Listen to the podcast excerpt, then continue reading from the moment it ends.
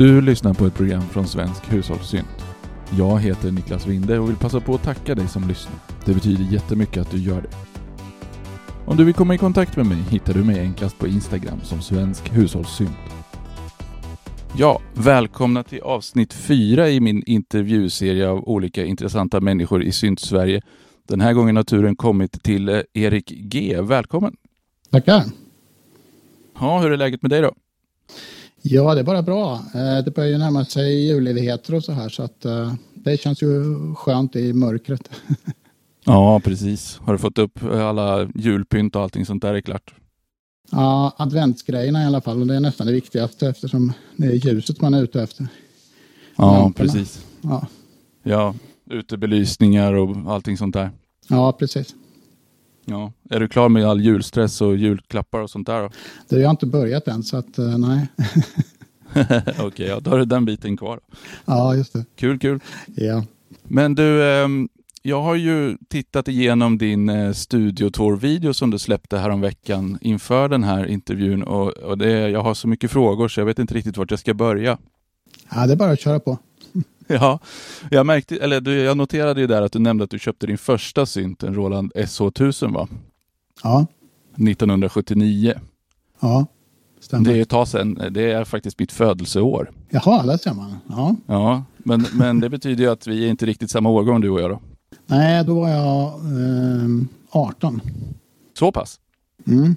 Men hur kom det sig att du trillade in på det här med elektronisk musik och syntar? Du måste ju nästan ha bevittnat dess födelse höll jag på att säga utan att vara, vara oförskämd. Ja, det var... Det finns faktiskt ganska... Jag minns ganska väl vad det där beror på. Och eh, det var så att när jag var i ja, 10-12 års åldern så var det en kompis till mig som visade en, en tongenerator som han hade byggt. En, en eh, tvåtransistors eh, vippa som han hade spikat upp på en eh, träplanka sådär som man byggde på den tiden. Eh, med spikar och ledare. Eh, och eh, den där kunde han göra en massa olika ljud med. Från höga visselljud till låga pruttljud. Och det där var jag otroligt imponerad av, alltså hur man kunde göra sånt. Sen dröjde det ända tills jag gick i sjuan när våran musiklärare presenterade, ja, alltså, grejen var att vi skulle lära oss tio klassiska verk, kända klassiska stycken. Och när, kom, när han kom till Brandenburg-konserten då körde han faktiskt eh, Walter Carlos, dåvarande Walter, nuvarande Wendy Carlos eh, version. Av någon underlig anledning. Och det där gick jag igång på. Att det var, att det var gjort med en, en stor mog alltså. Ja, ja. Och sen var jag helt frälst på det där efter det faktiskt. Så det var väl där det började. Ja riktigt. så det var själva klangerna då och, själva känslan av att skapa ljuden på en, en annan väg än akustiska instrument då. Ja, men precis. Att det överhuvudtaget var möjligt var ju väldigt fascinerande tyckte jag. Ja.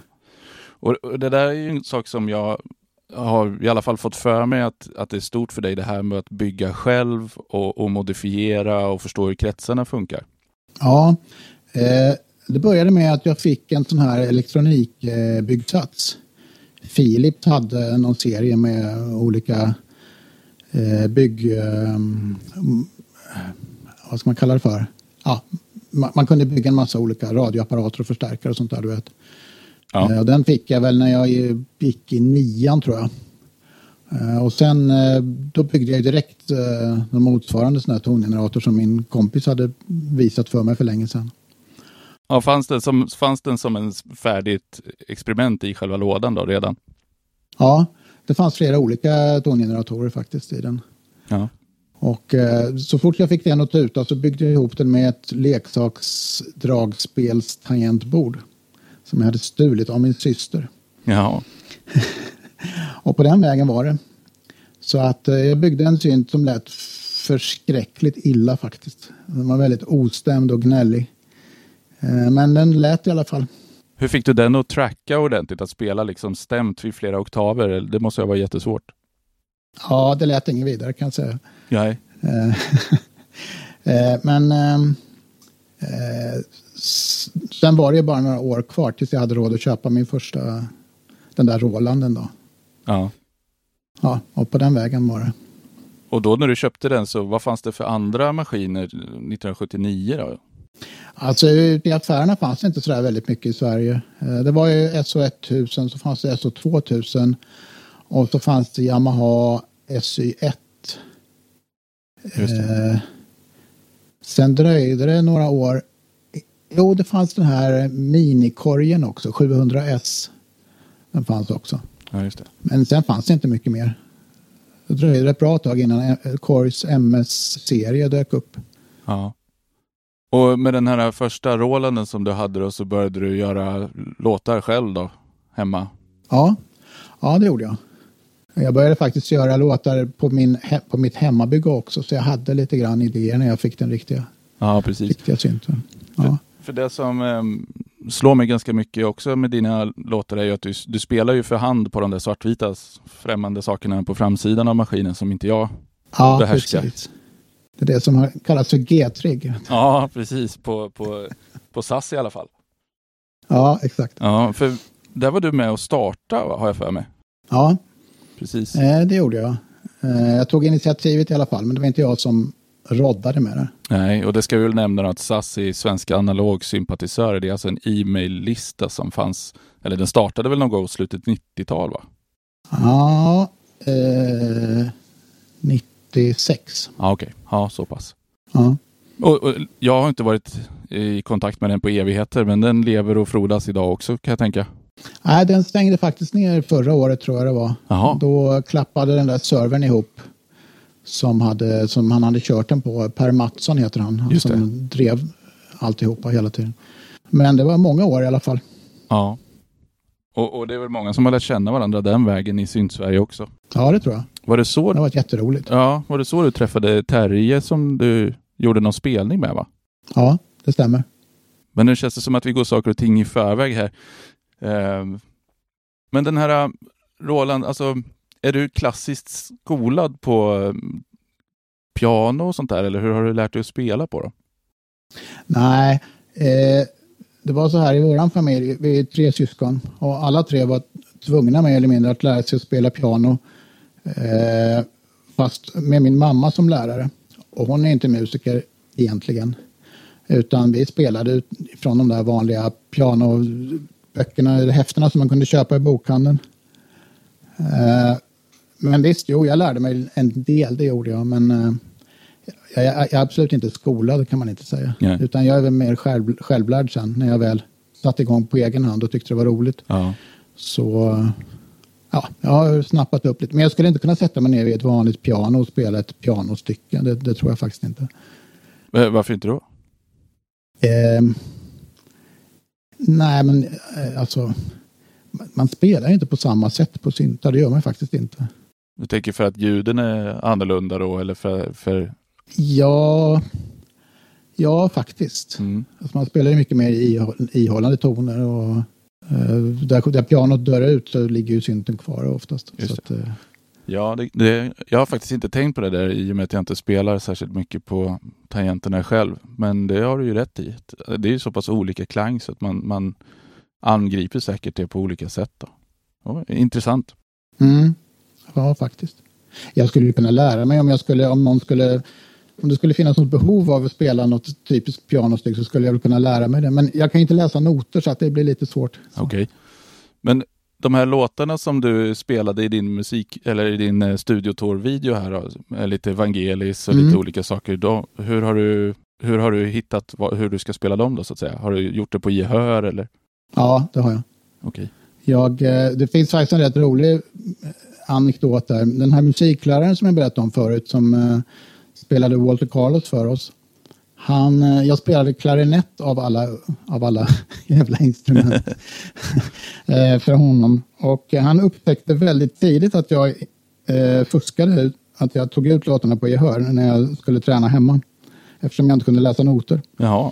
Så då sa han så här att, ah, men okej, okay, fine, då struntar vi i noter så ska jag lära dig eh, eh, harmonilära och att improvisera istället.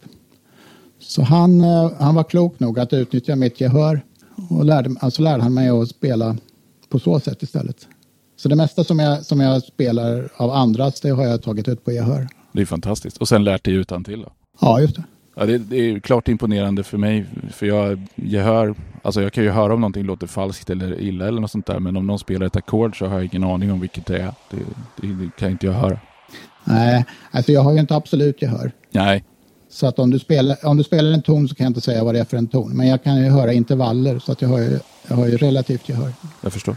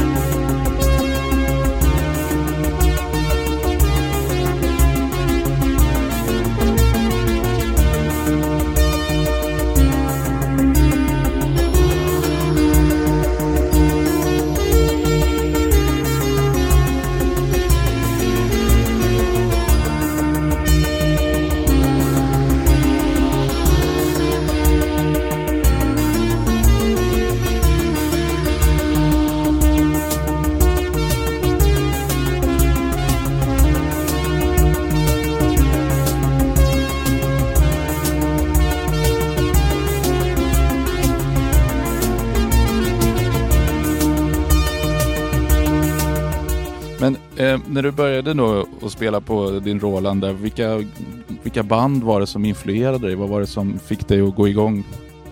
Alltså det var ju det, det, var ju det typiska. Det var ju uh, Jean-Michel Jarre, Tangerine Dream, uh, Vangelis, uh, Synergy, Klaus Schulze. Ungefär dem. Mm. Ganska, ganska bret, bret, spretande stilar i och för sig. Ja, och så Walter Carlos. Ja. Men det, det som jag framför allt gick in för det var ju Tangerine Dream, då, Berlinskolan. Precis, jag tänkte just nämna Berlin School-stilen som du ju själv följer ganska mycket känns det som. Ja, det gör jag. Och det är ju klassiska mm, korta sequenser som går runt, runt, runt med lite improvisation, lite ganska mycket improvisation ovanpå den typen av stycken. Va? Eller hur ska man beskriva det egentligen? Ja, ja alltså det är framförallt att, det är, att de här styckena är långa. Ibland kan man ju behöva vänta liksom i en kvart innan sekvensen startar. Ja. så att, det kräver en del tålamod. Ja. Uh, men, uh, ja, men så är det ju. Uh, Tangerine Dream har ju gått igenom ganska många faser. Men den bästa perioden, den där Peter Baumann var med, alltså enligt mig bästa, där, där var, det lät ju så som, ungefär så som jag försöker låta ja. också.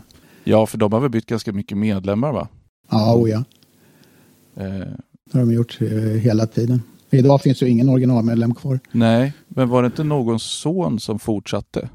Nu, nu är jag ute på djupt vatten här. Edgar Fröse hade väl någon son, men det kanske inte var Tangerine Dream förresten? Jo, då. jo han, hans son Jerome, han var ju med i Tangerine Dream i ett antal år också, fast han är inte med nu längre. Nej, okej. Okay. Då så. Ja, då hade jag inte helt fel för mig då. Nej då. Men vad är det som lockar med just den där musiken då? För det är, alltså nu finns det ju otroligt mycket elektronisk musik att välja på så att säga. Men du är ju kvar i Berlinskolan. Men vad är det som håller dig kvar då så att säga? Eh, jag vet faktiskt inte riktigt.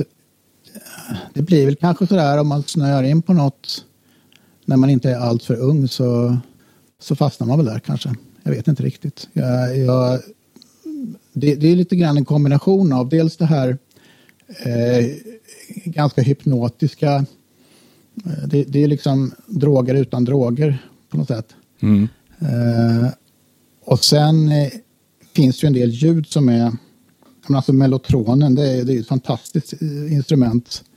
De, de ljuden är ju, det går inte att göra på något annat sätt. Och även, även den här liksom hypnotiska åttatonsekvenserna är, ja det är någonting med det som jag har fastnat för. Jag, jag vet inte riktigt varför.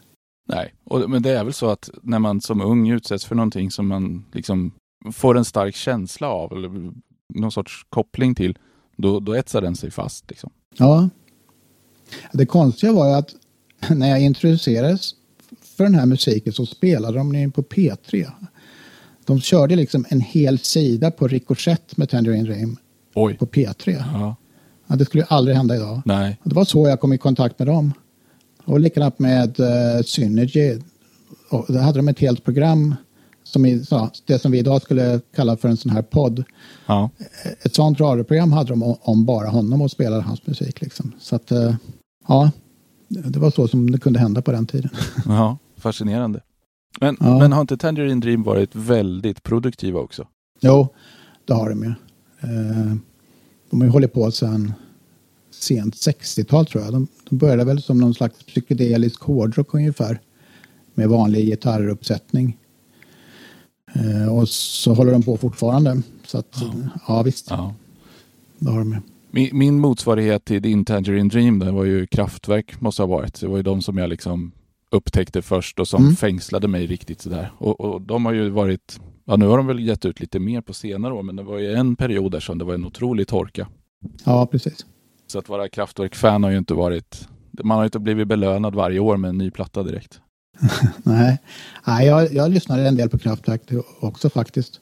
Och eh, jag kom in på Kraftwerk av en olyckshändelse för att jag letade efter en låt som jag hade hört på disco faktiskt. Det här är för, långt före internet nu. Mm. Eh, jag tror att den heter Supernature. Jag nu minns jag inte vad bandet heter som gjorde den, men låten heter Supernature i alla fall. Och den där gick jag och letade efter i skivaffären. Jag tänkte jag måste hitta den här. Och sen så av någon anledning som jag inte vet nu så fick jag för mig att det var Kraftwerk som har gjort den. Vilket är ganska konstigt för det är inte alls deras stil. Eh, Men då köpte jag The Man Machine, det albumet. Ja. Eh, Och blev gruvligt besviken när den låten inte fanns med. Nej. Men, eh, men då upptäckte jag Kraftwerk. Ja. Så det, det är ju i och för sig inte den stilen jag kör, men man blir ju ändå influerad av eh, ljud och uh, rytmer och sånt där. ja, Vocoder-sång och... Annars tycker jag att eh, Computer World är deras bästa album. ja, det kan jag nog hålla med om. Det är nog det som har flest starka spår i, i min bok Ja. också faktiskt. Absolut. Ja. Men jag såg, dem, jag såg dem i Stockholm, när kan det ha varit? 2004 kanske. Okej. Så såg jag dem på Gröna, eh, eller på, vad heter det, heter det Skansen? Nej, På Djurgården? Djurgården ja. Mm. Där ute var det i alla fall, i någon teater. Ja, okej. Ja, jag, jag har ju lyckats missa dem så väldigt många gånger. Så när de kom till Dalhalla här för några år sedan. Det var ju i samband med den stora skogsbranden tror jag, här 2014 kanske. Jaha, Ja, det var ju helt otroligt. Jag åkte upp dit på, och såg dem på Dalhalla, vilket var helt fantastiskt. För det, akustiken i den där gropen är ju helt otrolig. Och sen hela vägen hem så luktade det brandrök och jag undrar vad sjutton det var. Och så avvisade det sig att det var den där stora skogsbranden som härjade under några år. ja, Ja, okej. veckor. De spelade ganska högt va? Ja, de spelar jättestarkt så det fladdrade i byxbenen, men det upplevdes inte starkt. Ja, Det var otroligt. ja för det, det reagerade jag på, på eh, när jag såg dem. Ja, Eh, Att det var väldigt, väldigt högt. Nästan lite barnsligt högt om man får säga så. men, men de har väl fördelen att ha ganska rena och tydliga ljud så att, så att det är väl inte så mycket skadlig distorsion förhoppningsvis. Och säkert ett bra PA. Nej, precis. Så var det. Det var ju basen framförallt som tryckte på ordentligt. Ja. Ja, och när man lyssnar på deras gamla album så är de ju hyggligt bastunga här och där. Ja, Och kanske framförallt då Electric Café. just När de börjar snurra in på de grejerna. Mm. Men du, för att återgå till det här med elektroniken då. Som, eh, är det någonting som du utbildade dig till sen? Eller är, är det någonting som alltid har varit på hobbynivå? Nej, det började som hobbynivå och när jag byggde eh, de här grejerna som jag pratade om förut, då visste jag inte särskilt mycket vad jag höll på med, måste jag säga. Eh, Men sen så utbildade jag mig till civilingenjör i elektroteknik. Med det enda syftet att kunna bygga syntar. Oj! Nej, men nej, inte riktigt. Men det, det kom som en bonus liksom. Ja. Men jobbar du med det nu då? Ja, det gör jag. Så det har jag jobbat med elektronikkonstruktion i 35 år. Ja. Så att jag är inte så här, när jag kommer hem från jobbet så är jag inte så här jättesugen att börja löda. Nej, Nej. nej det, för det var nästan det jag tänkte fråga. För då jobbar du på sätt och vis med din hobby. Så hur, hur är det? Ja, det blir ju det att jag, det går ganska långt mellan projekten hemma. Ja.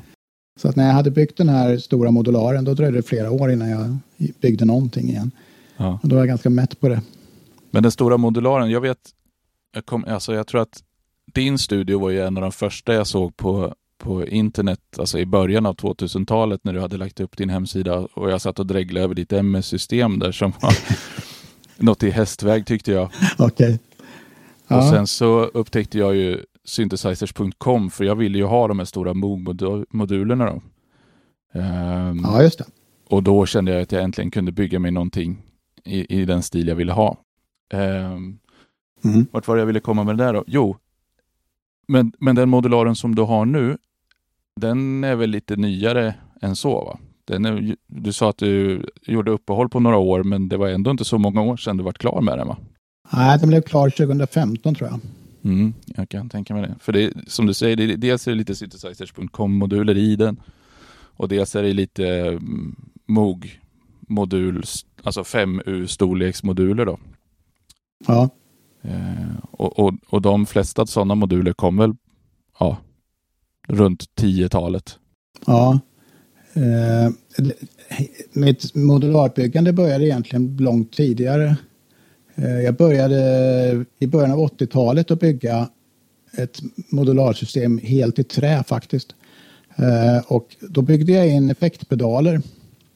Så att jag hade phasers och flangers och delayer och eh, lite sånt där. Som jag byggde in i, så att det såg ut som en modular. Eller ja, det blev ju det på sätt och vis. Och sen efterhand byggde jag in lite enklare oscillatorer och filter och sånt. Sen rev jag det här systemet och byggde ett i plåt istället. Mm. Eh, som ett, i en custom, eh, custom kabinett. Då. Och då, byggde, då hade, använde jag riktiga moduler, sådana här med Curtis-kretsar. Då. Ja, just det. Eh, så att den här som jag har nu, det är tredje generationen kan man säga. Okej. Och då, då valde jag ju MU-formatet. Då. Ja. Eh, men jag har väl byggt, ja, 80 procent har jag väl byggt själv tror jag. Okej. Är det också Eh. Curtis-baserat nu, nu med då? Ja, om man, tänk, om man säger oscillatorer, filter, VCA och envelopper, det är Curtis. Mm. Men sen är resten annat. Ja, lite gott och blandat.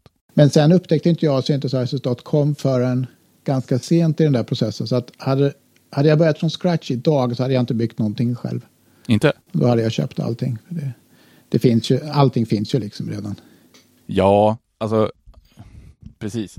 Det känns som att om man ska hålla på och löda själv och sådär så ska man ju ha ett, antingen ett brinnande intresse för det eller en, en idé med det som man inte hittar på något annat sätt.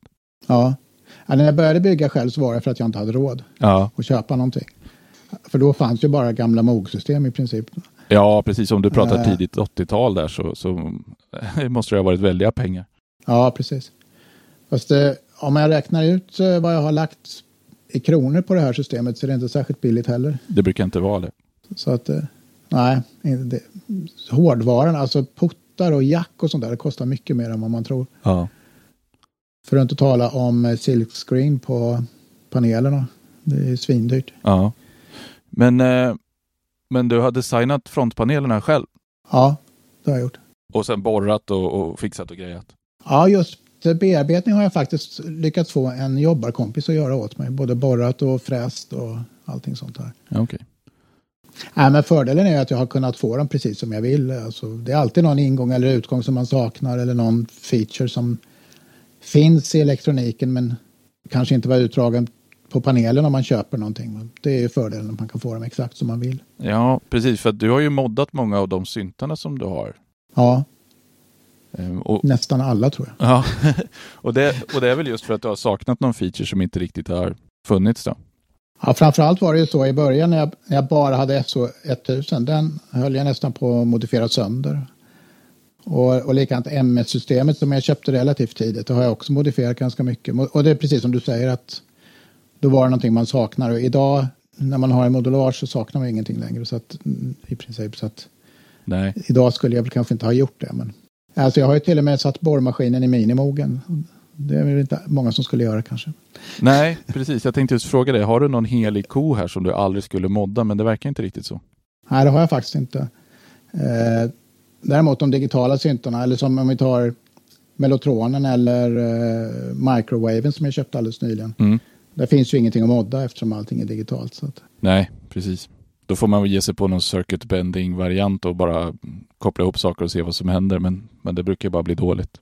Ja, precis. Nej. Men du, brukar du, inte, du, du brukar inte göra moddarna så att de eh, är återställningsbara? Ja, har man borrat ett hål i panelen så är det lite svårt. Ja, det är det ju förstås. Men eh, Jupiter 8 till exempel, där har jag byggt in eh, aftertouch. Men det är ju givare som ligger, sitter under fötterna på den, så det är ju inget ingrepp i burken Nej. eller i, i apparaten. Men jag har ju också en eh, separat eh, PVM LFO Ja. som sitter utanför i en liten box. Och sen har jag dragit in de där signalerna i eh, ett kontakttorn. Det finns ju på baksidan av Jupiter en, en lucka där, där man kan sätta in den här, vad heter den, DCB-bussen heter den va? Ja. Jag har inte den bussen på min, utan jag har bara en tom lucka. Och där, drog, där satte jag ett eh, D-sub-kontakttorn så att jag kunde dra in signalerna där.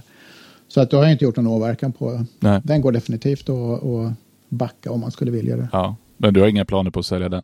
Nej, men precis. Det är likadant som med Minimogen. Alltså det, det spelar ingen roll att jag har modat den, för jag tänker inte sälja den i alla fall. Nej. Så att, eh, Minimogen vet jag, den hade du inte i början på 2000-talet har jag för mig. För jag, jag har för mig du pratade någon gång på SAS-listan om att eventuellt bygga om en eh, Korg Monopoly till att bli som en Minimog. ja, det var faktiskt en idé jag hade. Det, det hände aldrig. Nej. Eh, jag, hade, jag hade aldrig ens någon. Men eh, det var... Jag hade ganska mycket funderingar på hur man skulle få den där karaktären. Mm. Nej, jag tror jag köpte Minimogen 2004 kanske. Ja, okej. När den fortfarande, fortfarande gick att få en till ett skäligt pris. Precis, det var ju fortfarande anständigt då. Ja, precis. Ja, här är jag lite nyfiken på en grej för att du nämner i videon att det faktiskt är en vintage Minimog, en, en riktig gammal från den början. Inte nothing of the new crap, säger du. Eh, har du Ja. och och det, det köper jag väl. Men jag är lite nyfiken på, har du provspelat de nya nyutgåvorna? Nej, jag menade faktiskt inte nyutgåvorna utan jag menade snarare Beringer. Ja, ah, okej, jag förstår.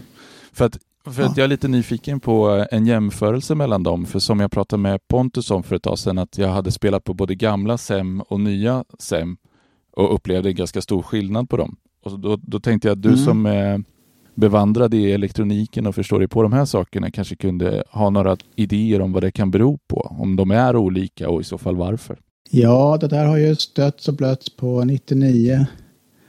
Ehm, ja, jag vet faktiskt inte, men jag, jag vet vad det inte är i alla fall. Det har ingenting att göra med ifall det är ytmonterat eller hålmonterat. Och det har väldigt lite med layout att göra också eftersom det bara är eh, lågfrekvent audio. Um, det skulle kunna vara så att uh, komponentvärdena idag är mycket smalare spesade. De kanske är 5 eller 1% och de kanske var 20% på den tiden. Så att man får en mycket större spridning i, alltså helt reellt i komponentvärdet. Ja, Det skulle jag kunna tänka mig. Sånt där som stämstabilitet, det tror jag spelar ganska stor roll. strömstabilitet. I hur fett... Eh, stäm. Jaha, Alltså hur, hur väl oscillatorerna ligger fast vid sina riktiga värden. Ja, okej. Om, om de driver iväg så, så låter det ju lite mer vintage, det gör det ju. Ja. Sen kan det ju vara så att man eh, utan att tänka sig för byter ut operationsförstärkare till exempel till sådana som har högre bandbredd så att man får ett vassare ljud. ja. Om man inte riktigt tänker på vad man gör.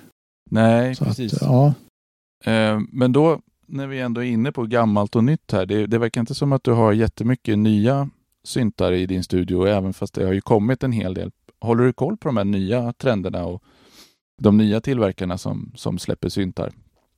Alltså inte nödvändigtvis kloner då? Eh, Nej, inte jättebra faktiskt. Jag, jag observerar, eller jag konstaterar liksom att okej, nu har det kommit en ny sån här, men jag är inte särskilt intresserad av att testa dem eller läsa på mig, eller läsa in mig jättemycket på dem. Ehm, jag, jag, har, jag är rätt nöjd med det jag har faktiskt. Mm. Jag provade en, eh, jag provade en Modwave alldeles nyligen, Ja, eh, korg. Eh, och den lät ju fantastiskt bra, alltså det gjorde den. Men eh, den, jag tyckte den var för plottrig på panelen. Jag tyckte den hade för många funktioner. ja, Eh, alltså i förhållande till vad jag var ute efter. Och sen tycker jag att tre oktaver är alldeles för lite på en polyfonisk synt. Eh, tangentbord. ja, för dig som spelar. ja. Eh, så att, ja precis. Så att den, eh, den släppte jag väl ganska snabbt. Mm. Den nyaste grejerna jag har, eh, det är väl Mellotronen tror jag. Den är väl relativt ny. Den digitala Mellotronen. Ja. Eh, och sen är ju Korgs ARP 2600 ganska ny, om man nu ska säga ny. ja. Det är väl den nyaste tror jag. Precis. Och sen hade du en eh, Korg ARP Odyssey också va? Ja, just det. Och eh, Just det. den låter ju fantastiskt bra. Ja, det gör den. Och jag har alltid velat ha en Odyssey också faktiskt. Ja, det är väl en sån där hang-up nästan som jag har haft. Att jag bara vill ha en sån.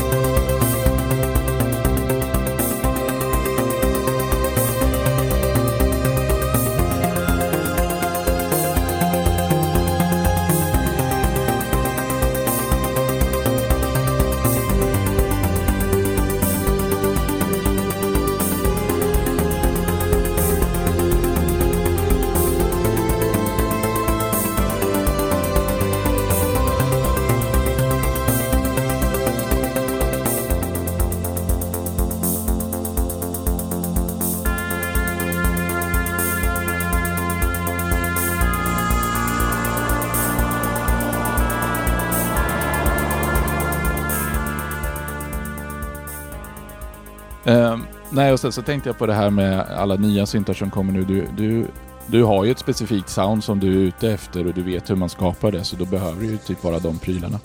Ja, faktiskt. Jag tittar lite grann på eh, Beringers eh, PPG Wave 2. Ja, Eh, Men eh, den verkade dra ut på tiden så att jag köpte mig en Microwave istället. Microwave XDK. ja. Och den gör, till, den är, den gör PPG-ljuden tillräckligt bra så att jag, jag tog en sån istället. Så då fick du, fick du det du behövde därifrån så att säga. Ja, precis. Eh, men när, alltså din musik är ju helt klart från östkusten kan man säga. Alltså den, den, alltså om vi pratar syntesmetoder så är den mera östkust än västkust. Ja, absolut. Men har du någonsin varit intresserad av västkustsyntes, alltså buckla och, och surge och de där lite mer knasiga grejerna? Ja, jag har eh, väldigt tidigt när jag började, när jag skulle bygga min första modular så sneglade jag en hel del på Surge faktiskt, hur, hur, deras moduler såg ut och jag gjorde faktiskt eh, två moduler, en Wave Multiplier och en sån här, eh, vad heter den nu då, Dusk eh, Just det. eh, Slope Generator. Två, de två har jag gjort, inte kloner av på något sätt, men med samma idé som jag har i min modularie nu faktiskt. Precis. Så att eh, jag, jag har tittat lite på det också. Och jag har även köpt en eh, Wave Folder från eh, STG. Mm. Så att jag är inte liksom, jag är helt klart öppen för alla möjliga sorters syntesmetoder. Det jag. Men i och med att det ändå är Moog-systemen som är förebilden så blir det ju, blir det ju östkust Ja. på något sätt. Den största skillnaden för mig när man säger öst och västkust, det är väl egentligen komplexa oscillatorer och vaktrollbaserade VCA-gate-prylar som skapar det specifika soundet i, i bucklor då, till exempel. Ja, just det. Low pass gate. Ja, precis. Low pass gate. Men det som du tar upp här, den här slope-generatorn, är, pekar ju på en annan sak som jag tycker är väldigt viktig, som, som alltid har verkar ha funnits med i västkust, men som man har missat lite grann i, i östkust. Eh, och det är ju det är ju CV-styrda tider, alltså envelopper och, och den typen av saker. Eh, Ja. Men det verkar du ha fått in i ditt system ändå då? Ja, Alltså mina slope-generatorer är inte spänningsstyrda faktiskt. Nej. Eh, nej, men däremot så har jag byggt två stycken ADSR som är helt spänningsstyrda. Som jag har byggt av eh, Curtis-kretsar. De, de har ju spänningsstyrning på varje parameter ADSR. ja. Nej, för det, jag tycker att det är en otroligt viktig aspekt i, i musik, eller alltså ljudskapande, för, för att få Mm. vissa, vissa typer av ljud i alla fall. Ja. Jag kan inte säga att jag har använt det jättemycket faktiskt. Nej, okej. Men, eh, mm. Men, däremot, men till exempel om man kör en sequencer så eh, gör ganska mycket om man kan förlänga en decay, förlänga en decay till exempel Ja. på enstaka toner. Ja, Mm. men exakt. Jag har ju en, ehm, en eh, Moog Sub, Sub eh, 37 eller Sub 37. Och den, har, Ja. den är ju så digitalstyrd så att den har ju digitala envelopper som man kan modulera med eh, ja, LFOer och, och velocity och sånt där. Och jag upplever att det skapar jättemycket uttrycksfullhet att kunna bara skifta det lite, lite grann på tonerna. Ja, just det. Så det, det gillar jag. Mm. Men nu när du byggde din senaste modular och, och, och du har blandat lite västkust och östkust, vad har du mer för designfilosofi i den? Eh, En filosofi var att det skulle se ut som en Moog. Faktiskt.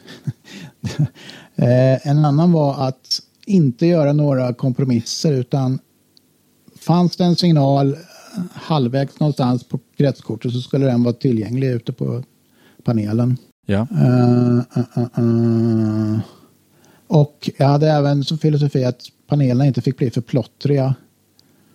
Utan behövdes det mer plats så fick de bli en, en modul till bred. Liksom. ja, Eh, inom parentes, det, det hade ju Eric på sina dotcom-moduler också som filosofi i början. ja, Men nu har han ju släppt de här plusmodulerna om du vet. ja, Och där har han ju gjort precis tvärtom. Där har han ju plockat, tryckt ihop en hel del funktioner på en liten yta. ja och jag, jag att, eh, förstår inte riktigt att han har liksom gjort en sån kovändning, för, för det, är- det är så tvärt emot hur han var från början och hur, hur strikt han var med det också från början. Ja, och han sa ju även att det skulle inte vara mer än en funktion per modul. Nej. Men det har han också ändrat sig. Ja, på gott och ont naturligtvis. Det är väl många som har dåligt med plats i sina system och behöver multifunktionsmoduler. Men, men jag är alltid emot sådana här äh, moduler som behöver, där man behöver lära sig en massa handgrepp och ska komma ihåg en massa hemliga knapptryckningar för att få den att funka som man vill. Ja, precis. Eh, Men sen ser jag också att du har halvhöjdsmoduler, alltså de här mixerraden undertill på dina kabinett. Är det, det är så här Ja. utility-moduler och mixrar och så. Ja, just det. Eh, bygger den på den här CP3A-mixen i, från Moogs modulsystem också? Eh, Inte elektroniskt gör den inte det. Ja, Okej, bara Det utseende. bara, det är bara en enkel mix. Ja, Eh, Men anledningen till att jag, att jag stoppade in halvhöjdsmodulerna det var att jag tyckte det var en ganska bra idé med moduler som faktiskt inte fyller upp en hel vanlig höjd. Eh, Mixen är ju en typisk sån och jag har även en hel del CV-buss, CV och gate-bussmoduler. Dels med jack, ingångsjack och dels med switchar som man kan rota de där signalerna till olika moduler för att spara kabel. ja, Ehm, och sen har jag en gate-sequencer också. Som följer uh, 960-sekvensern. okej. Eh, med fyra rader switchar som man kan slå av och på gatorna. Och den passade väldigt bra att ha eh, i halvhöjd också. Ja. Nej, alltså jag gillar ju det här med att ha mixrarna under modulerna sådär och, och medan oscillatorer passar bättre att vara högre än de är breda så passar mixrar bättre att vara breda än de är höga och sitta under flera oscillatorer skulle man kunna tycka då. Ja, precis. Men CP3A då, eller vad den heter, har ju en viss karaktär och när man överdriver den. En, en tendens att dista lite grann. Är det någonting som du också har eftersträvat för att ja, bibehålla det ljudet så att säga? Nej, det har jag faktiskt inte gjort. Uh, om, om, jag upplever att om man bara... Ja, nu vet inte jag hur den där är uppbyggd. Om den, är, den kanske är transistorbaserad så att den klipper mjukt. Men om man, om man överstyr en operationsförstärkare så klipper den ju tvärt och det låter ju verkligen inget bra. Uh, för det har jag en, en speciell modul med en, eh, en sån här OTA i som klipper väldigt mjukt och fint. Så att eh, vill jag ha det så kan jag använda den modulen till det. Ja, nej men det är väl bra. Så att man kan skita till det när man har lust. Ja, precis.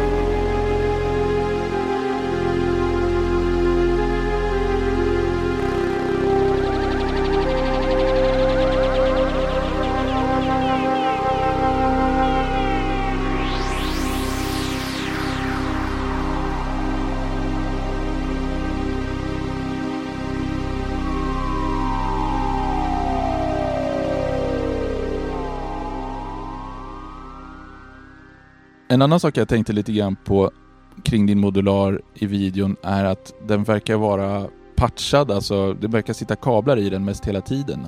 Har du liksom färdiga ljud som, som du nästan aldrig ändrar på? Um, ja, jag har... Delvis har jag det.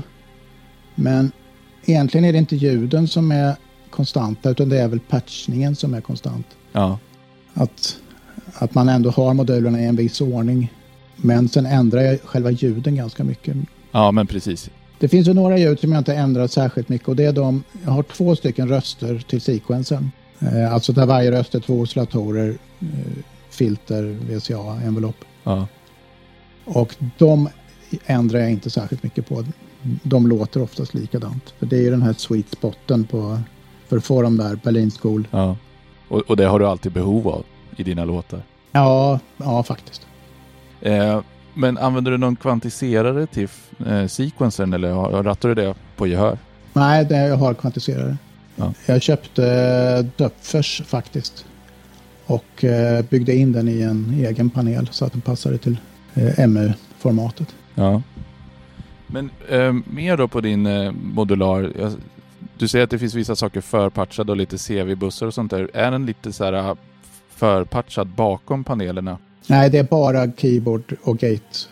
Eh, keyboard CV och gate. Ja. Och det kan man alltid bryta genom att stoppa i en, en, eh, en egen kabel. Ja, jag har switchar. Eh, ungefär som på Moog-modularerna. Ja, just det. Switchar som man slår av och på. Jag såg också att du hade en switch på filterbanken så att man kunde koppla, ja, förbikoppla den då, utan att behöva rycka kablarna. Det var ju smart. Ja, jag har bypass-switchar på ganska mycket här. Phasers och flangers och delay och lite sånt.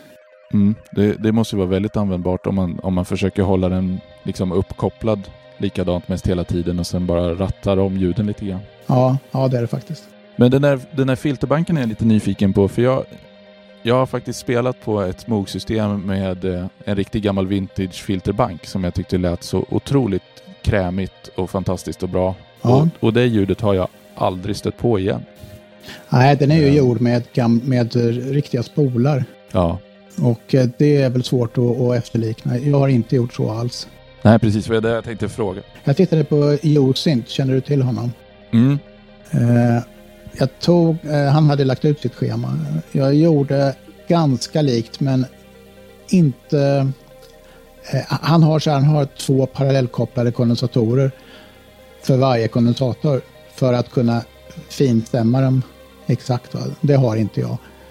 De, mina värden är lite mer ungefärliga. Men annars är det ungefär det schemat som jag har gått efter.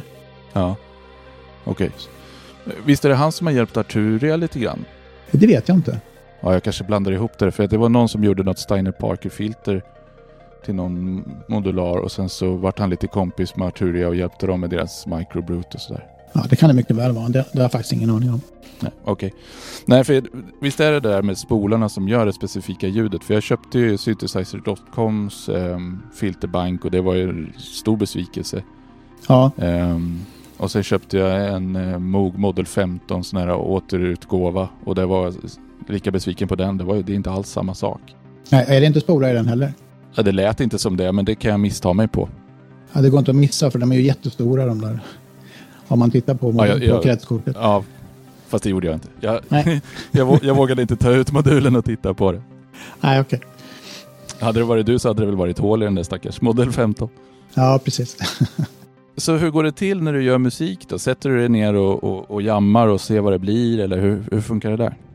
Uh, ja, det, det är väl två olika sätt jag gör på. Antingen gör jag precis som du säger att jag bara jammar helt förutsättningslöst och hittar någonting. Eller så kan det faktiskt hända att jag att det kommer någonting till mig när jag inte alls är i studion.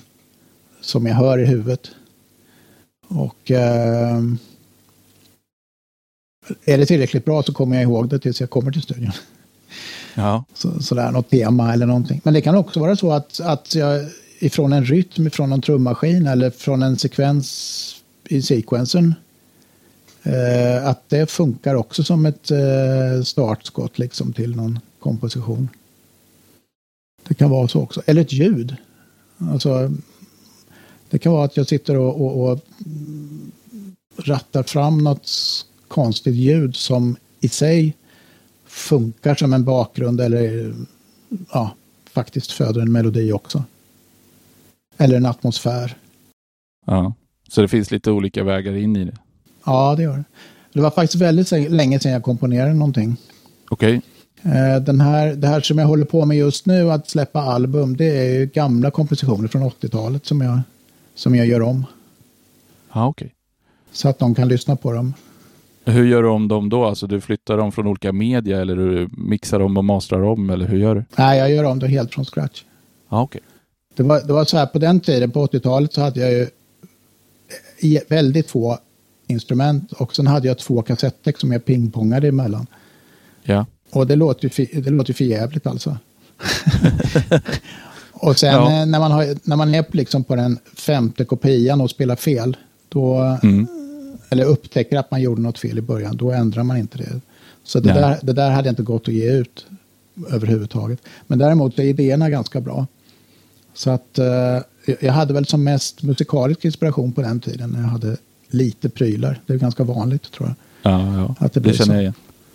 Så att jag, alla, alla album som jag har lagt ut på Bandcamp, de är, om, det är nyinspelningar utav gammalt alltihopa. Det är helt fantastiskt. Så du, du lyssnar på dina gamla inspelningar och så tar du ut dem igen och gör nya inspelningar av dem? Ja. Och så behåller jag det som var bra. Ofta får jag korta ner dem ganska mycket för de är ofta sådana här halvtimmes låtar. Eller ja. tills kassetten tog slut liksom. eh, och mycket felspelningar och sånt där. Så, så liksom rensar jag då från sånt som inte är bra. Eh, det kan liksom vara fem minuter med något dåligt och så plockar jag bort det korta ner det till något vettigt, något vettigt längd då. Ja. Och se till att allting är stämt. Ja, det är bara det är ju ett stort jobb ibland. Ja. Men jag tänkte på, du nämnde Reason i eh, Studio Tour-filmen där. Är det din eh, mjukvara, din DAW? Ja, det är det. Eh, jag, använder framför, jag använder framför allt som hårddiskinspelare. Ja. Eh, men ibland när jag får problem att synka allt för mycket, då använder jag även syntarna som finns i, i Reason. Okej. Men eh, ja, i och för sig, samplern, NNXT använder jag en del faktiskt. Istället för att bara klippa in en uh, WAV-fil som jag hade någonstans. Så, så använder jag den. Ja, okej. Men eh, annars mest som en bandspelare faktiskt. Ja. Gör du någon efterbearbetning i datorn sen då när du har spelat in? Utan, eller är det klart då? Nej, jag mixar allting i Reason också. Ja. Och, och även mastrar i, viss, i viss mån. Då. ja. Eh, men det, jag såg att du hade en hel del hårdvarueffekter och sånt där också. Men det lägger du... Ja, blandar du lite mjukvara och hårdvara där? Eller hur gör du med sånt? Ja, jag brukar, om jag vet exakt hur jag vill, vad jag vill ha, eh, någon shifter eller någonting, då använder jag hårdvaran så långt jag kan. Ja. Men om jag kommer på i, i efterhand att det här behövs ett chorus, då, då kör jag ju det som finns i Reason. Ja. Jag, jag, har inte några, jag är inte sådär puritan att det måste vara analogt. Utan Nej, det beror precis. lite på var, var någonstans i, i processen som jag kommer på att jag vill ha det. Ja. Jag måste säga det, Reason är ju fantastiskt alltså. Det är, jag är otroligt imponerad av att man kan göra så mycket på en vanlig sketen PC. Alltså. Det, Ja. Alltså jag har ju bara provat Reason ett par gånger men jag tycker ju, alltså när det kom var ju idén revolutionerande och den har ju säkert gett otroligt mycket bra musik till, till oss eh, konsumenter genom åren. ja, Eh, och, och mitt förhållningssätt till, till instrument är otroligt pragmatiskt. Alltså, och då räknar jag mjukvara som instrument också. Att Det ska helt enkelt trigga dina, vad ska man säga, kreativa vätskor och, och få dig att vara produktiv. Då är det bra, då är det bra verktyg. ja, men det är ju så. Och en del grejer som jag har gjort, eh, till exempel den här eh, albumet som jag gjorde ihop med en gitarrist, eh, Three Ancestors. Eh, där har jag ju reproducerat allting som han och jag ursprungligen gjorde i Reason. Eh, alla gitarrgrejer och, och sånt där. Och det, jag tycker inte att det går att höra. Och en del sequencer-grejer där är gjort, alltså sånt som låter Berlin School rakt av, det är gjort helt och hållet i Reason. Och jag, och jag måste nästan gå tillbaka till mina anteckningar för att komma ihåg vilket som var vilket. Så att Mm. R- Reason funkar ju helt perfekt där. Ja, Och, och det spelar inte mig någon roll heller. Det är resultatet som räknas. ja precis. Men sen är det också en lite skön känsla att gå in i en sån studio som du har med, med mycket instrument som man har en sorts emotionell koppling till och som man bryr sig om och har. Ja, absolut. Det har, det. det har ju hänt att jag har gått in i min studio och bara ställt alla rattar på noll bara för att det är skönt att vara där en stund. ja, ja jo, men så är det ju. Det, eh, alltså, när, när syntarna kom så fanns det ju kritiker som sa att det här är inte riktiga instrument. Eh, jag är ju sån att jag tycker att hårdvarusyntar är riktiga instrument, men plugins är inte riktiga instrument. Så att alla har ju liksom sin, eh, sin, sin, sin eh, koppling till, eller sitt förhållande till instrument. Ja, ja absolut. Man har, och sen har man ju sin egen gränsdragning någonstans.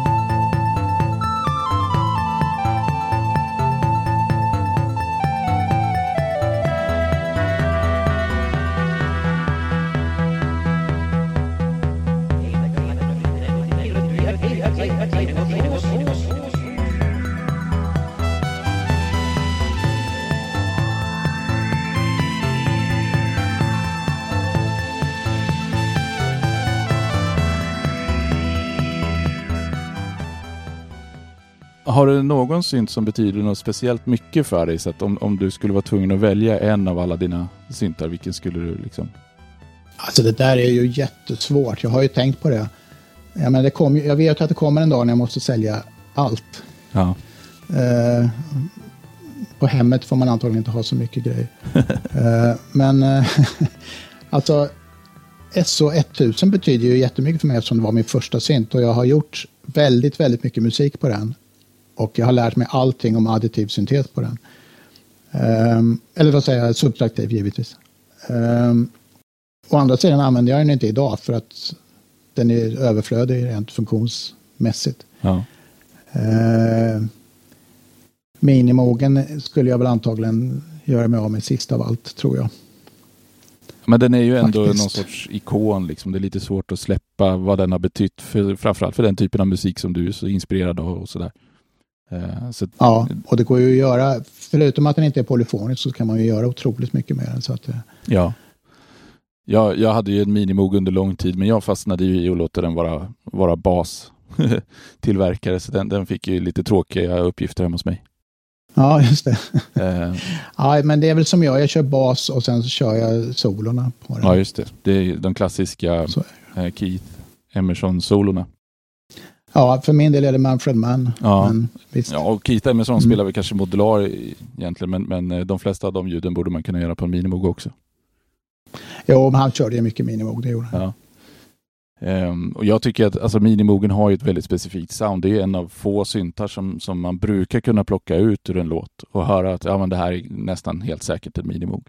Ja, och det tror jag faktiskt beror väldigt mycket på hur folk använder den. Kanske inte så mycket, ja delvis i syntens grundljud, men hur folk använder den. Alltså, antingen spelar man basar eller också- spelar man de här ganska högpitchade solorna. Så att det är mycket därför tror jag som man hör att det är minimog. Ja, det har du säkert rätt i. Det har jag faktiskt inte tänkt på, men, men eh, ja. Ja, bara en sån sak till exempel så att vibratot går ju nästan inte att stänga av. Även om man drar ner ratten till noll så ligger det lite, lite, lite svagt vibrato på. Och, och det gör ju också att, att den eh, röjer sig ganska lätt. Du menar att så fort man switchar in den här oscillatormodulationen så får man vibrato hur man än gör? Ja, Även om man sätter modhjulet i alla på? fall är, ja, precis, i alla fall är min sån. Ja, det är, det är nog mycket möjligt. Jag har inte analyserat det heller faktiskt. Jag har inte tänkt på det. Men ett, ett ljud som, eh, som minimogen är fruktansvärt bra på och som jag alltid testar när jag provar en synt ja, som har de möjligheterna, det är att om man drar upp resonansen till nästan självsvängning och sen så modulerar man filtret med eh, en, en ganska mycket högre frekvens än den man spelar på. Ja, Och så, så vrider man cut-offen precis rätt, då får man otroliga vokalljud. ja just det, filter FM. Ja, exakt. Och, och, Ja, och, och ställer man oscillator 3 ja, vid fem semitoner upp ungefär, det finns en sweet spot Ja. där, då, då är det liksom spot on. Det är verkligen så här. mm, Det, det är få människor som kan lyssna på det ljudet utan att börja forma munnen som vokaler samtidigt. ja just det. Ja, precis. Jag, jag har faktiskt funderat på det där. Eh, vad det beror på att just filter FM ger vokalljud. Och det har jag inte riktigt lyckats att, att klura ut faktiskt vad det beror på. Nej, eh, verkligen inte jag heller. Det är rätt intressant. Och det konstiga är att det uppstår ju när man har väldigt mycket resonans på. Det måste ju vara snudd på självsvängning. Ja, ja, det stämmer. Ja, det, det är klurigt faktiskt. Ja. Men eh, händer det att du sätter dig och, och liksom okynnesspelar bara i, i, eh, i studion? Känner att ja, men idag har jag lust att spela en Vangelis liksom, och så gör du det. Ja, absolut. Oh, ja. Jag spelar mycket andras musik. Ja. Och det är väl... Eh, alltså de flesta musiker börjar ju så att, att härma och kopiera. Det, det, det är ju ett väldigt tillåtet sätt att lära sig vad det än är man... Alltså om man är idrottsman eller sångare eller dansare eller vad man än är. Så att kopiera är faktiskt ett väldigt bra sätt att lära sig saker i början. Sen gäller det bara att komma ur det där och ja. göra egna grejer. ja. Men jag håller fortfarande på, som du såg på videon, att jag tycker det är kul att... För då måste man ju fundera, hur gjorde de här? Liksom? Vilka ljud använder de? Vilka syntar använder de? Eh, hur går melodin? Vilka, vilka, vilken tonart är det? Alltså det är ganska mycket man, man lär sig på det faktiskt. Absolut. Och jag tror att det är ett, ett jättebra sätt att träna öronen. Liksom att, att höra. Vad gör de? Vilka ljud finns det här? Och när, man ha, Ja. och när man har lärt sig det till en viss nivå, då kommer man höra att de sakerna saknas i ens egen musik och ha liksom en lättare chans att lägga till det. Ja, precis. När du har moddat dina syntar då, då ehm, hur har du tänkt? Ja, det, tanken sa du ju förut var att, att man moddar liksom saker som, som man känner saknas eller behövs. Men har det, har det någonsin hänt att du har spelat en låt eller spelat på en synt och känt att nej vad sjutton, jag skulle verkligen behöva ha den här funktionen och så har du stannat upp och så har du liksom skruvat isär den och fixat det? Nej, jag har inte gjort det precis då. Men jag har noterat det liksom. Ja, det har blivit liksom Och sen, det, det här behöver jag göra i framtiden. Så. ja, precis. Har det någonsin varit tvärtom då? Precis. Att du har suttit och, och gjort en mod och så har du testat den och så har du tänkt att jäklar, det här, är ju, det här kommer bli en bra låt. Den måste jag bygga vidare på. Nej, det tror jag faktiskt inte att det har gått åt det hållet. Utan det har nog blivit så att jag har moddat någonting och så har jag konstaterat ifall det blev bra eller inte och sen har jag varit nöjd med det. Tror jag faktiskt. Ja, Inte att du har gett upp av direkt till någon musik eller så. ja. Ja, jag, jag hade eh, en period när jag programmerade lite musikprogram själv och så använde jag dem för att göra musik. Och då var det mycket sådär att ja, men jag skulle vilja ha den här featuren och så går man in och programmerar den och sen så hittar man på något nytt som man snubblar över och så råkar det bli grunden till en låt. Så det var väldigt synergiskt liksom fram och tillbaka mellan det där. och, Ja, det kan jag tänka mig med just musikprogram. ja, Mm. för det, jag tror att jag kan tänka mig att feedbackloopen är lite kortare där också. För det, det är ett större steg att öppna en synt och, och börja löda än det och öppna ett program och börja skriva kod. Ja, just det. Ja, precis. Eh, men en- en funktion som var väldigt nödvändig som kom av, av naturliga skäl var en autosparfunktion. Det kom ganska tidigt. För det, Ja, man kodar det själv. brukar... Ja, det har ju en tendens att krascha när man, när man kodar själv. Ja, just det. Och så har man inte sparat. Precis. Vad är på gång i din musik just nu då? Alltså du håller ju på Ja, det är nytt, ja, nytt album. med gamla låtar. Ja, Ja. Samma, samma recept som tidigare. Har du, har du mycket kvar av, av det och, och konvertera? Nej, jag faktiskt... Eh, nästa steg är att, att tanka upp det på Bandcamp faktiskt. Okej. Den är, den är färdig faktiskt. Ja. Ja, och, och det, um, sen har du inga sådana fler att, förändra? Jo då. Jag har, inte, jag, har inte gjort hälften, jag har inte gjort hälften än. Ja, då ser vi fram emot att, att få höra mer av det då. Ja, jag vet inte när jag ska bli klar faktiskt. För jag har, jag har väl uppåt en 25 kassetter tror jag. Någonting sånt där. Och jag har gjort 11 hittills. Åh jösses. Så det var en period där på 80-talet när jag var väldigt produktiv. eh, Rent musikaliskt. Ja. Och sen nu så, ja, barnen har blivit större och jag har mera tid och ro. Ja. Och sätter man göra det här. Det är ganska mycket jobb eh, den första fasen när man ska lyssna igenom kassetten och bedöma vad som är bra och vad som är dåligt och ta ut ackord och analysera vilka sorters ljud jag använder och sådana där grejer. ja. Men om du inte kan noter, hur noterar du det här? Skriver du ner det i, i Reason då som någon sorts eh, styrfil eller hur funkar det? Nej, jag, jag tar ut det eh, så som när man tar ut vilken låt som helst. Ja. Ja. Men, och så skriver du ner det på papper då? Nej, utan jag, jag spelar det tills jag, tills jag kan det utan till. Jaha, okej. Men jag delar ju in låten i, i ett antal, eh, vad kallar man det för? S- delstycken förstås. Ja. Men sådana här låtar som kan vara öppet en 20 minuter kanske, det, det delar jag in i olika faser och så sk- skriver jag på ett papper liksom så här. Del 1, del 2, del 3, här kommer sekvensen, här ska det vara mellotronflöjt, ja, vad det nu är liksom. Just det. Och så blir det lite någon slags halvgrafik. eh, Att jag mål, ritar liksom att så här ser musiken ut ungefär.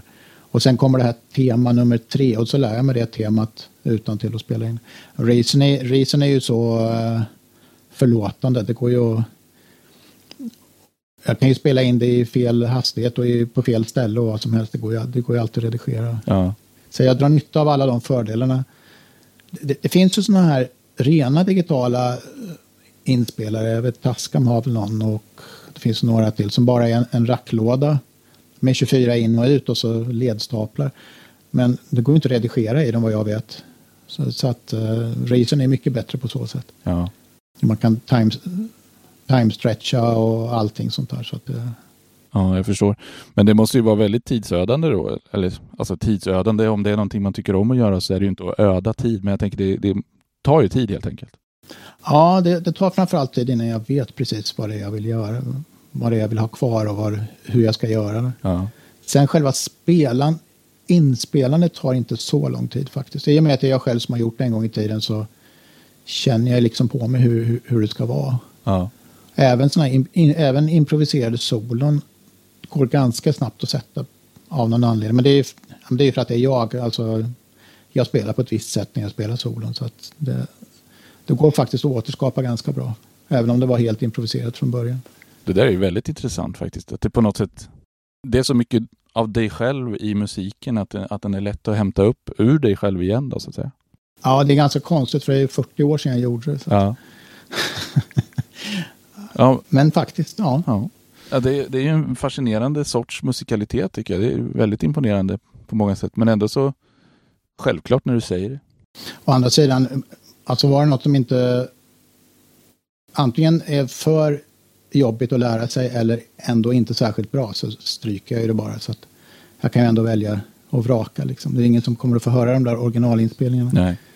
Eller så säljer dem som rarities sen om 20 år. Ja, till överpris. Precis när du behöver ha ut de sista pengarna ur det hela. ja, precis. Um. Alltid någon idiot som köper dem. ja. Men eh, är det, alltså, har, du mycket, har du en fanskara där ute? Alltså jag har ju följare på Bandcamp och på Youtube, några hundra. Uh, uh, på Bandcamp är det ju ett gäng som alltid köper albumen faktiskt. Ja. Men uh, det finns ju ingen... De tre första albumen som jag gjorde, de gjorde jag ju på CD. Eller två på CDR och den sista på riktig CD. Ja. Men jag nådde ju aldrig break-even på den där tillverkningen. Så att jag tyckte inte det var någon mening med att fortsätta göra fysiska skivor faktiskt. Utan det, det är ju digitala album. Då. Men, men Band, Bandcamp har väl blivit ett ganska bra ställe för att släppa sin musik på. För att ja, det ska man få lite betalt och sen så finns det väldigt mycket inbitna fans där som är intresserade av musik på ett, på ett litet annat sätt kan man säga. Ja, och även sån här udda musik faktiskt. Ja, ja. Jo, jag tycker det funkar bra. Ja. Har det kommit några nya artister i Berlin School-genren då som är värda att nämna? Alltså det finns ju ett gäng i eh, Holland och Tyskland tror jag, och några engelsmän. Eh, men de har ju hängt i i, ja, det är väl säkert 20 år nu tror jag. Men några helt nya känner jag inte till Nej. faktiskt. Men de är nyare än Tangerine Dream i alla fall. Ja, oh ja, det är de. Men jag okay, måste ju nämna Redshift till exempel, de känner du antagligen till. Uh, nej, de har jag nog missat faktiskt får jag erkänna. Mm, det är väl de nästan de mest kända. Okej, okay. ja då får jag kolla upp det. Red, Redshift. Ja. Och sen uh, har vi ju uh, Free System Project, FSP. Ja. Uh, I England har vi PDB, se vad det står för nu igen. Pollard, Daniel and Booth. Okay. Tre killar, eller män i min ålder också, som gör sån här musik. De är riktigt bra. Ja. Yeah. Um... Terje Winter. Ja, ja just det. Ramp finns det ett band som heter. Alltså Ramp. Mm. Ja, nu kommer jag inte på fler precis rakt upp och ner här, men uh, det finns ett forum som heter EM-portal. Mm. Alltså EM för Electronic, Electronic Music Portal. Ett, uh, en, uh, ja, det är väl en, nej det är inte en mailinglista, det är ett forum. Där kan man hitta mycket sånt här contemporary Electronic Music. Ja. Det får vi kolla upp, det var ett bra tips. Mm. Eh, men eh, när du själv lyssnar på musik, vilken, eh, ja, hur gör du då? Vilket format gör, lyssnar du helst på? CD, LP eller via datorn eller hur gör du? Om jag, om jag ska lyssna på musik eh, fokuserat, vilket man gör ganska lite tyvärr, eh, då lyssnar jag på CD. Jag har fortfarande mycket CD-skivor. Jag, jag, har inte kommit ifrån det här med att ha ett album. Det var svårt nog att sluta med vinyl kan jag säga. uh, för jag menar, det är ju liksom en magisk grej det här att öppna ett LP-konvolut. En sån här dubbelsidig, titta på alla bilderna och ja, du ja. vet.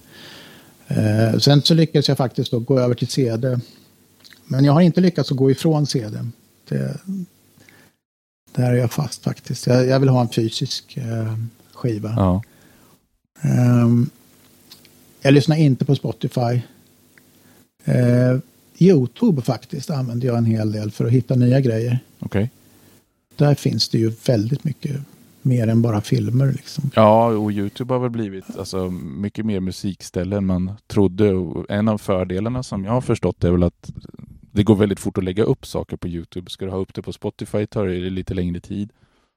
Och Ja, Badcamp kan väl kanske vara lite kinkigare med vad och hur man lägger upp saker också tror jag. ja, man måste ju skapa... Ett, man måste ju vara en användare först, eller en artist först. Mm. Liksom. Eh, på Youtube. Men Youtubes sökmotor tycker jag fungerar bra också. Det är viktigt. Ja, det är viktigt. Eh, Annars lyssnar jag faktiskt ganska mycket på skvalradio. Det kanske är lite förvånande. Ja, det får jag säga. Men eh, jag har alltid radion på på jobbet till exempel. Och när jag åker bil. Jaha. Bara, alltså bara sån här Mix Megapol och sånt. Oj. Eh, rockklassiker. Ehm, så jag lyssnar, jag lyssnar väldigt mycket passivt på musik. Ja. Eh, och det har mina barn sagt att eh, det var så de började lyssna på musik. Att radion alltid var på liksom. Okej. Så att även om inte det, kvaliteten alltid är den bästa så, alltså den musikaliska kvaliteten, så eh, blir man ändå på något sätt matad med musikalitet på något sätt. Ja. Det var intressant faktiskt. För det... Ja, men, men på något sätt så... Du tröttnar ju inte på den musik du själv gör och, och, och föredrar att lyssna på eftersom det lär du ju aldrig höra på radio numera. Nej, jag har, jag har perioder, eller jag, jag lyssnar nästan aldrig på min egen musik. Eh, eftersom man håller på med det så mycket när man gör det. Man. Eh, men däremot, Berlin School till exempel, jag, jag har såna här perioder när jag lyssnar på, jag kan lyssna på Klaus Schulze liksom i en vecka. Ja. Och sen lyssnar jag inte på honom på flera år. Eller Tangerine Dream. Ja. Eh, 70-tals, de- den bästa perioden. Det kan jag lyssna jättekoncentrerat på i, i några dagar. Och sen så, så går det ett par år alltså innan jag lyssnar på det igen. Så att, eh, ja, det är väldigt sådär vad man är sugen på just för tillfället. Lite så här period, periodare då, liksom. Ja, absolut. Men- Eller Vangelis. Eller, ja. Ja, men då är det liksom, då, då gillar du själva albumsformatet, att sätta dig ner och lyssna från, från början till slut. Ja, men absolut. Ja. Det gör jag. Eh, och det är ju det med, det är, det är likadant med den progressiva rocken som jag lyssnar på också. eh, Symfonirock, eh, Yes och Genesis och sånt. Eh, det är ju konceptalbum. Mm. Och när de där sen gjordes om till CD så fanns det en massa tid kvar på skivan. Och då hände det att eh, de som gjorde CDn slängde in ett bonusspår på slutet. Någon sån här radio edit Ja, eller någons någonting. Och det förstör ju konceptet för fullständigt. Ja. Det är ju inte okej alltså. Nej, det är nästan så att du får, får Eh. programmera CD-spelaren och sluta efter, efter det korrekta spåret. Ja, men lite så va. Så att, och därför, det är därför jag håller fast vid CD-formatet också, eller albumformatet.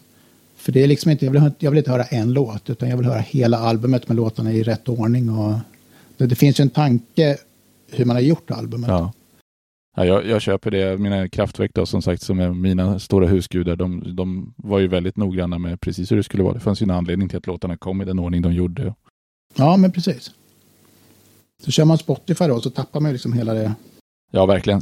Men han har ju, Daniel Ek har ju som uttalat mål att man, man ska sluta konsumera album helt enkelt. För han tycker att alltså, låten är ju, är ju liksom den största musikaliska enhet man behöver. Man behöver liksom inget större än det. Det är knappt ens man behöver ha koll på en artist.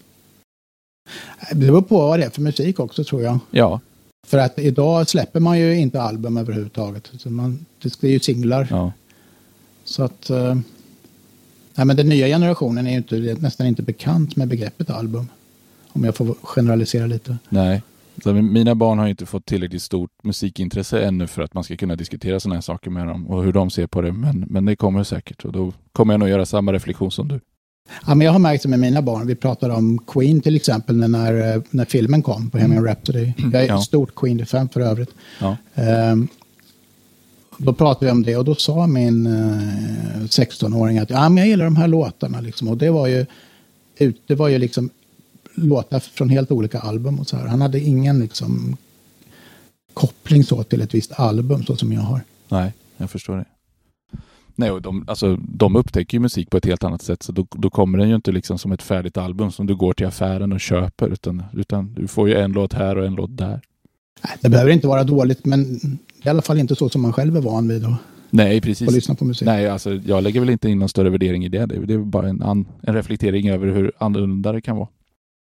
Men du, en, en sista avslutande fråga här som jag är lite nyfiken på. För nu, nu känns det som att du har gått igenom ett antal syntar och har de inte haft de funktioner du har velat haft så har du moddat dem.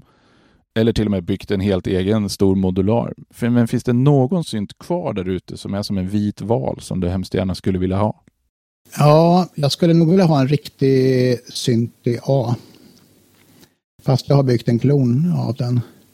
Den, den skulle jag ju fortfarande vilja ha, men priserna är ju groteska så att uh, jag hade hoppats på Beringer där, men de gör ju en VCS3. Men det är ju inte riktigt samma format som jag vill ha. Du vill ha, eh, vad heter det, koffertsynten eller på att säga? Eh, ja, just det. Attachéväskan där. Ja, det är bara någon fixit i antagligen. Ja. Men det har lite mindre, det har lite mindre bordsyta. Ja. Men, men är inte de ganska kretsidentiska? Jo, det är samma sak. Ja. Men ja, ja okej. Okay. Spännande. Men, det, men vad är det som skiljer din klon från den riktiga? Jag har inte med alla moduler i den. Okay. Jag har dragit, tagit bort en del funktioner. Men jag har alla, jag har alla funktioner som jag vill ha. Och pinmatrisen? I den å andra sidan. Ja, precis. Nej, jag tror, inte, jag tror faktiskt inte att jag kommer att köpa någon. Men, men eh, ska vi prata vit val så är det väl den faktiskt. Ja, Nej, men man får ha vilken ja. vit val man vill. Ja. Det är det som är själva tricket med det. Med vita valar. Ja. ja. Men du, eh, då får jag nog säga stort tack för den här pratstunden. Nu har vi klockat in på dryga timmen här. Så att, eh, det var jättetrevligt att höra av dig och lära känna dig lite mer, Erik. Ja, men tack detsamma. Det var jättekul att prata med dig. Ja, tack så mycket. Tack. Hej. Hej.